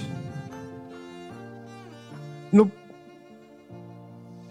es mūždien esmu bijis tas, kurš nu, kaut kā spiež uz to, ka svarīgākais ir klausītāju dziesmas. Man liekas, ka tām tiešām viss ir kārtībā. Jā. Tas, ka mums tur tajā viesu frontē ir šādi tādi Brīnumiņi. interesanti pavērsieni, Brīnumiņi. brīnumiņi. jā. Bet, bet, Bet es... bet ar to arī mēs vienmēr esam tikuši galā. Nu, vienmēr taču ir bijuši interesanti brīnumiņi. Šobrīd viņi ir uh, slimības dēļ. Savukārt, citas reizes tas bija dēļ tā, ka visiem nebija laika, vai ne? Jā, un īstenībā varbūt jāpastāsta arī klausītājiem, lai tas nemulsina, ka mums viesi būs klāt, klāt, klātienē. Ir tiešām izdarīts daudz, lai viesi varētu būt droši klātienē. Pirmkārt, viesu skaits ir ierobežots, otrkārt, DJ viesus nemaz nesatiks fiziski. Un arī aizkadra da- darbinieku skaits, liel, lielākais vairums, viss tas, uh, visa balīti notiek citur. Nu, nav nenotiek nekāda balīta, bet cilvēki, kas strādā, kas parasti strādā uz vietas, šogad strādās attālināti. Studijā būs tik maz cilvēku, cik vispār tur to cilvēku maz var būt, un arī tie būs sadalīti vēl ar stīklu divās daļās. Un tāpēc, mē, un tāpēc mēs, pateicoties tam, mēs varam dažus viesus mazā skaitā, nu, teiksim, tur oris mums pilnīgi noteikti nevar ierasties klātienē, bet daži viesi var ierasties. Bet man ļoti pat, man, man īstenībā ir prieks par cilvēkiem, kas, kas tik un tā saka, ka nē, nu, es, es ļoti gribētu, bet es princip, pēc, principā nekur neeju. Nu, un tādi cilvēki ir, un tas viņiem ir īstenībā nu, gods un slava par to. jā. Bet, uh, bet labdarības maratons dod 5. Notiks 17. decembrī Stikla studijā Doma laukumā. Mēs uh, sākam, uh, sākam darīt savus, savus ierastos pirms Ziemassvētku darbus. Šajā gadījumā šogad mēģinot nodrošināt pēc iespējas vairāk stundas drošībā cilvēkiem, kuri bēg no vardarbības ģimenē. Jo katra trešā sieviete Latvijā ir cietusi no vardarbības, un šogad labdarības maratonu dod pieci laikā. Saziedotie līdzekļi tiks novirzīti, novirzīti ziedot LV ātrās reaģēšanas, jeb krīzes fondam, sniedzot finansiālu atbalstu galvenokārt sievietēm un bērniem, kas grib izrauties no aburtā loka, aiziet no vardarbīgām attiecībām, bet nespēj to izdarīt atbalsta trūkuma dēļ. Mājaslapā dod 5 LV, kā teica uh, Uldis, ar klausītāju dziesmām viss kārtībā. Es ļoti priecājos katru dienu parā, paraugoties, kā aug jūsu iesniegto un reģistrēto dziesmu skaits. Jebkuru dziesmu, kur jūs vēlaties dzirdēt, maratona laikā šobrīd ir iespēja apmainīt pret uh, 5 eiro ziedojumu mūsu mājaslapā. Dod 5 LV, 5 rakstot ar burtiem. Ierakstīt vai izvēlēties dziesmu, var arī uzspiest podziņu nejaušu dziesmu. Manuprāt, vētras meklēt vienam otru. Šorīt uzmetās kā nejaušais gabals. Ieraksti komentāru, ieraksti savu vārdu. Ja vēlaties, lai mēs ar tevi sazināmies, vai arī, ja tev nav nekas pretī, ka mēs ar tevi sazināmies, atstāj arī savu tālruni vai ēpastu. Un, ja es ar mieru arī ar mums papļāpāt video izskatā, jo dot 5 maratons galu galā ir arī vizuāls pasākums, tad arī piespiedu podziņu piekrītu video zvanam ar dot 5 studiju. vairs tikai viena nedēļa. Un šodien mums ir viens jaunums, dot pieci sakarā. Ir tā kā ir palikusi nedēļa līdz dot pieci. Aiziet, startējam labdarības izsoles. Jau trešo gadu mēs uh, visām, visai tai naudai, kas tiks savākta šī gada labdarības maratona dot pieci mērķim, arī pieplusosim izsoļu iegūtos līdzekļus. Uh, Tad jums ir iespēja tikt pie ļoti, ļoti, ļoti īpašām mantām vai piedzīvojumiem, piedaloties labdarības maratona dot pieci izsolēs, un pirmo, pirmie pieci izsoļu. Priekšmeti izsoļu, es nezinu, kā to, sauc, kā to saukt, ja tas ir piedzīvojums, izsoļu. Uh, Tā arī saka pozīcija, izsoļu pozīcija. Piedzīvojums. Uh, pirmie, pirmie, pirmās mantas, pirmie piedzīvojumi ir pieejami izsole dot 5.lv. Tātad izsole.dot 5.lv. 5 rakstot ar burtiem. Paskat, uh, fonds viegli ir nolēmis kādu ļoti īpašu gleznu no uh, ļoti īpašas indiešu izcelsmes mākslinieces šogad ziedot labdarības maratonam dot 5. Uh, Fatima Ahmeda, Indijas māksliniece, un uh, kāds darbs, kas ir nonācis fonda viegli īpašumā, šogad uh, nonāks pie kāda no jums. Mākslas kolekcionāriem vērts uh, bišķi palasīt vairāk, kas tas ir, no kurienes tas nāk. Šīs autoras darbs, starp citu, pat Kristīs izsoļu namā ir izsolīti. Būs ļoti interesanti uzzināt. Uh, Gala beigās, jā, kā, par kādu summu šī glezna tiks nosolīta. Lauris Dārziņš ir uh, parakstījis Ripu, Nūju un Dienāmo komandas. Komanda visi ir parakstījusi arī Kreklu, un tas viss arī dzen, ir pieejams labdarības izsolē. Nedēļas nogale krasta kvartālā. Kādam paraugu dzīvoklī. Es to darīju. Es biju vienā paraugu dzīvoklī, citā kvartālā.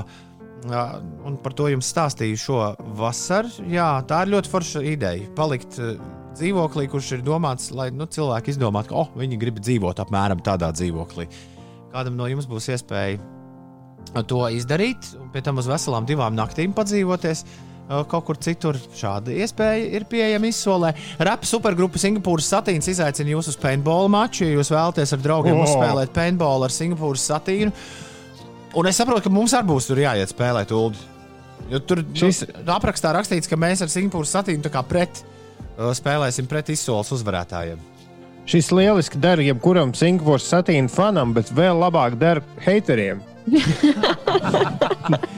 Un vēl viena lieta, kas ir pieejama sākot no šodienas, uh, uh, ir iespēja iepirkt sevi iekšā stikla studijā. Uh, jo mēs ik decembrī uz dotu pieci stikla studiju aicinām mūziķus, kuriem dziesmas piecēlā vēterā ir bieži atskaņotas visa gada garumā. Un arī mūziķus, kurus skaņdarbs parasti izvēlas daudz, jo daudz ziedotāji. Šie ir, šie ir, primārie, šie ir primārie noteikumi, lai uh, tu saņemtu uzaicinājumu. Hei! Vai tu nevēlies uzspēlēt uh, stikla studijā? Taču šogad mēs pirmo reizi piedāvājam izsolē iegūt ekskluzīvu iespēju tev vai tavai grupai uzstāties dot pieci noslēguma dienā, bet uh, varbūt vienkārši tu vēlēsies pie klavierēm nodziedāt visiem klausītājiem kādu Ziemassvētku dziesmu. Jā, droši to var izdarīt, bet ņem vērā, ka tāpat kā visiem citiem mūziķiem, ievērojot infektuologu norādījumus arī izsoles uzvarētājiem, tiks piedāvāta iespēja uzstāties tikai trīs personu sastāvā maksimums. Un uzstāšanās notiks 23. decembrī 10.45 no rīta stikla studijā Doma laukumā Rīgā. Jauniem un daudzsološiem mūziķiem, kuri vēlas izskanēt pa visu Latviju maratona noslēguma dienā, Ulu, man liekas, šī ir visunikālākā iespēja, kāda var būt. Vai arī kāds, varbūt kāds uzņēmējs, kurš visu mūžu ir cerējis kļūt slavens ar savu ģitāru spēli. Vai, vai varbūt rītvars ar nu, brīļu rītvars var atnākt kaut ko nodzērāt uz priekšu? Aiziet, izsoles ir sākušās. Izsole dod 5 LV, dod 5 labdarības izsole, iet vaļā to organizē Ziedot LV kopā ar Pērkam kopā LV. Un mums ir liels prieks, ka šis notiek jau, jau trešo gadu. Uh, pirms gada mēs saziedojām 20,000 eiro tikai no izsolēm vien. Paskatīsimies, kā ies šogad. Tā, un tagad mazais princis. Es ceru, ka mm, kungi nebaidās. Nu, bet Pagaidām nu, no interneta spriežot, man liekas, tie nav džeki, kas ļoti baidās no, no kaut kurienes, no, no, no nākšanas uz studiju. Es ļoti ceru, ka mēs satiksimies arī šogad, jo viņa uzstāšanās pērnajā gadā. Dot pieci stikla studijā man ir palikusi ļoti gaišā atmiņā, un tā kā kungu tādā labā kvalitātē uh, koncerti ir maz pieejami YouTube, tad šis ir arī, man liekas, viens no visu laiku visskatītākajiem dot 5 video klipiem, kāds ir uh, pieejams uh, tiešsaistē. Mazā prinča 27 minūšu garā uzstāšanās dot 5 labdarības maratonā pirms gada. Un īsts fragments no tās arī šajā rītā visiem jums. Nav pieredzini, man. Dzīvajā labdarības maratonā dod 5 pirms gada. Protams, ka nekāda karnevāla šogad nebūs. Šis ir ieraksts pirms, uh, pirms gada. Un ne tikai radio etrā viņiem šis izdevās, bet arī Nacionālajā televīzijā tiešveidē. Starp citu. Jā, bet tas bija ļoti labs jautājums. A, Kas būs, ja nedrīkst, bet pasaka to, ko nedrīkst? Viena lieta, ko es. Viena lieta, ko es aizmirsu pateikt par izsolēm, ko dažkārt ļaudis jautā, jebkuras izsoles, labdarības izsoles sākuma likme ir 5 eiro. Viss sākas ar 5 eiro. Jums gan arī Jā. re reģistrējoties, ir jāsamaksā 5 eiro. Bet labā ziņa - pilnīgi visa nauda, kas tiek tērēta izsolēs, vai arī kur, not, uh, kur tiek um, savākt reģistrējoties jums labdarības izsolē, pilnīgi visa simtprocentīgi, bez nekādiem procentiem tiek aizskaitīta uh, Ziedot LV un šī gada labdarības maratona dot 5 mērķim. Jā, jo man arī šis jautājums ir nē, kā tā glezna tikai par piecīti, bet, bet tur jau tas āķis, ir jau par simts. sākumā maksā ir, ir, jau, ir jau par simts. Kamēr mēs te runājām, tikmēr ir jau 100 eiro. Gleznā ir 100 Aha. eiro un Laura Dārziņa, Nūjai un, un divu nāmo komandas parakstītiem Kreklam un Ripai arī ir jau 100 eiro. Tā kā izsol, izsoles ir sākušās. Iespēja, Satīna fani vēl guļ, jā. iespēja kādam uzdāvināt vienkārši vai nu sev, vai kādam citam unikālu Ziemassvētku dāvanu. Mums fiks vēl bija daži jautājumi.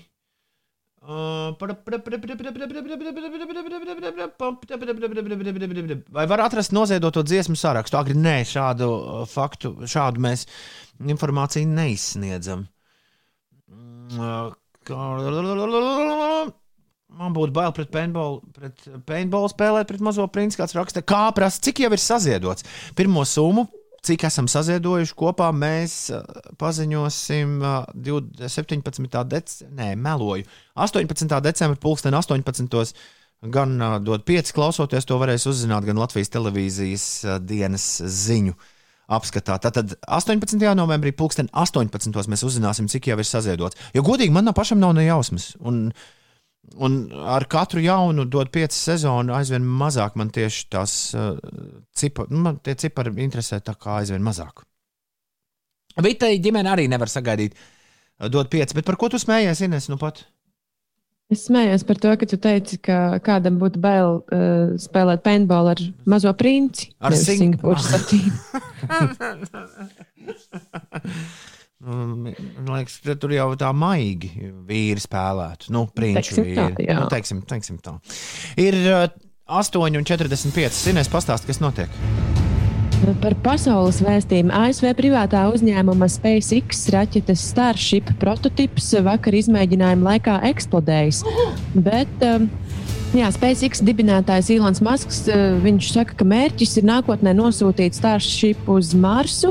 un Viņš šo te SpaceX eksploziju uztvēra optimistiski un apsveica Starship komandu ar lielisku izmēģinājumu.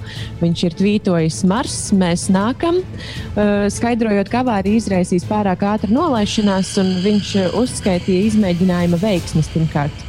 Raķete pacēlās, tā ir mainījusi pozīciju lidojuma laikā, precīzi nolaišanās trajektoriju pirms eksplozijas. Jā, bet uh, uh, raķete ir eksplodējusi, bet, bet uh, Ilons Masks tomēr kopumā visu šo izmēģinājumu uztver kā kaut ko pozitīvu. Mums kāds klausītājs īsiņā jautāja, kas notiek uh, piņķos. Uh, Jā, pa, uz pīņķu pagrieziena braucot J- Rīga Burmala šoseis virzienā. Tur, kā man rāda veids, ir noticis uh, mazs uh, ceļu satiksmes negadījumiņš. un. Jā, tur pamazām palielinās uh, ceļā pavadāmais laiks. Tikmēr citvietā, jā, jūrmālas gatava posmā no dzirciena ielas uz slogas ielu pa labi prasīs 9 minūtes. Mērķa ielā tepat centrā jārēķinās ar 6 minūšu kavēšanos no Barona ielas līdz Brīvības bulvārim, bet citvietā gan viss mierīgi raiti. Labrīt, maz sanāk jūs klausīties. Iespējams, ka tādēļ esmu palaidis garām, vai šogad pie stikla studijas varēs noziedot klātienē. Mums ar bērniem tā ir kā Ziemassvētku tradīcija. Jā, stikla studijā iemest iekšā pa gadam, gada laikā sakrātās monētas jūs varēsiet, bet nedarbosies dziesmu pieteikšanas lodziņš, ja aizvadītos gadus esat nākuši uz dot pieci, tad labi zināt, kas tas ir. Uh, jā, tā nu šoreiz nebūs. Tā kā vienīgā iespēja jums ar monētiņām kopā arī dziesmu iemest uh, stikla studijas uh, ziedojumu kastē būs, ja to būsiet iepriekš pierakstījuši sev uz lapiņas priekšā. Bet es ticu, ka cilvēki būs radoši. Es ticu, ka būs gan lapiņas, es ticu, ka būs cilvēki, kas stāvēs pie studijas un, un tajā brīdī, kad bērns monētiņas sūtīs tev ziņu Instagram teiks, tie esam mēs tagad, kas te stāvam. Es ticu, ka ir cilvēki, kas, starp citu, šis arī noslīdz variants, ieliks uh, selfiju ar savu bildi un ar naudu bēršanas aktu. Nu, zini kā, jo ja tu, nu, vislabāk ir iepieliek zīmīti klāt. Jā, bet, bet ja iebēr, gribi, lai... iebērt naudu un ielikt bildi Instagram un ietekot mūs visus, tā ir ļoti laba ideja. Jā. jā. Tā kā es, es ticu, ka cilvēki šo izdomās. Visu. Mums vienīgais lūgums ir ievērot uh, tur noteikumus, neveidot rindas un nepulcēties un nākt laikos, kad nenāk citi. Un to, ir, un to ir ļoti vienkārši izdarīt. Jūs, piemēram, uh, ir ģimenes pastaiga, ja, gar krastmalu, ieslēdziet video un apskatieties. Mēs visu laiku rādīsim, kāda ir situācija ārā pie stikla studijas. Un to jūs varēsiet redzēt, vai, vai tur nav pēkšņi kaut kādas lielas ļaužu, liela ļaužu daudzuma sanākuši. Būs, būs pie stikla studijas izlikt dažni dažādi brīdinājumi. Būs arī viss, ka, ko un kā ir jādara un kā ir jārīkojas. Galvenais jums ir ievērot arī tos noteikumus, kurus mēs jums lūgsim ievērot. Un plašāk par viņiem jau, protams, mēs stāstīsim tad, kad dot pieci sāksies pēc nedēļas. Kas tas bija par sajūsmas saucienu brīdī, kad Inês iesāka ziņas, ka eksplodējusi tur kaut kāda raķete? Tas nebija sa sajūsmas sauciens, tas bija. Bet, Šis nav sajūsmas bet, sauciens. Bet fonā es laidu skaņu, jo es, es šorīt zobus tīrot, sāku skatīties, un es izslēdzu video. Es tagad atcerējos, es biju izslēdzis video tieši 6.00 un nenoskatījies līdz galam. Okay. Paldies, Ines. Es tagad redzēju, kā uzsprāga tas kuģis. Bet nē, nē, ļoti glīti pacēlās un nolaidās. Un tikai beigās nu, tur bija. Mm, vai izsolē būs vēl lotes? Kādas lotes, Lelde? Lietas, ād, skaidrs. Vai izsolē būs vēl lietas? Nu, bet skaidra lieta, Lelde. Šis ir tikai sākumiņš. Ja tu esi slavens cilvēks un vēlies arī piedalīties ar kaut ko, ar kaut kādu ieguldījumu, labdarības maratonu dot pieci izsolē, padod mums ziņu. Vēl arī šis nav nokavēts. Piņķu pagrieziens nu jau ir tīrs, raksta Mūrkšķis. Aizgāja raiti, avārijas nav, vai viss jau aizvākts. Pēdējais laiks slēgt iekšā interesantās ziņās. Interesantās ziņās. Slēgt iekšā, slēgt ārā. Slēgt iekšā un tikai slēgt iekšā. Un slēgt iekšā. Un slēgt iekšā un slēgt iekšā. Un slēgt iekšā. Interesantās ziņas ir klāta. Diemžēl jāsāk ar sliktām ziņām. Valta Disneja kompānija pēc vairāk nekā 20 gadu darbības ir nolēmusi slēgt radiostaciju, kas palīdzējusi tapt tādām zvaigznēm kā Mailijas, Airusa, Selena Gomez un Demija Lovato. No nākamā gada sākumā Radio Disney un Radio Disney Country pārstās skanēt ēterā. Tāda popmūzikas radiostacija bērniem Disneyam bija gana populāra. Pēc tam sindikāti, kā viņi to vārdu lieto. Uh, pa, Amerikas, pa visām Amerikas Savienotajām valstīm. Viena no retajām jā, radiostacijām, par kurām varētu teikt, ka viņi tiešām skanēja visā Amerikā. Šis ir tikai viens no restruktūrizācijas pasākumiem, ko Disneja uzņēmums veic, lai turpmāk koncentrētos uz svarīgāko jaunu satura radīšanu platformās, kas nonāk pie patērētājiem patiešo Disneja Plus, kas pie mums būs pavasarī, Hulu un ESPN. Plus. Tāpat Disneja vadība ir ņēmusi vērā straujo mediju vidas attīstību, kurā daudz piedāvā personalizētu mūzikas izvēli jaunākajai patērētāju paudzei. Nu, un ko mums no šī visa mācīties, laikam jau neko vien to, ka lielie straumēšanas servisu kari nu pat ir pieķērušies arī radiostacijām. Un... Varbūt mēs kādu dienu kļūsim par shortcut sastāvdaļu. es nezinu. Nu, kāds varētu būt? Kāds varētu būt, vai ne? Kāda varētu būt prognoze? Vai arī pieņemsim darbā Mosu, kurš tagad ir bez darba. Viņam nav kur dīdžejot. Jā. Pietiek ar sliktām ziņām. Tieši tā ir nodomājis kāds balvas pasniegšanas komitejas. Kāda balvas pasniegšanas komiteja, par kuru mēs līdz šim nebijām dzirdējuši. Izrādās, ka jau vairākus gadu desmitus regulāri tiek pasniegta Bad Sex in Fiction Award. Balva par sliktāko čiki briki aprakstu daļliteratūrā.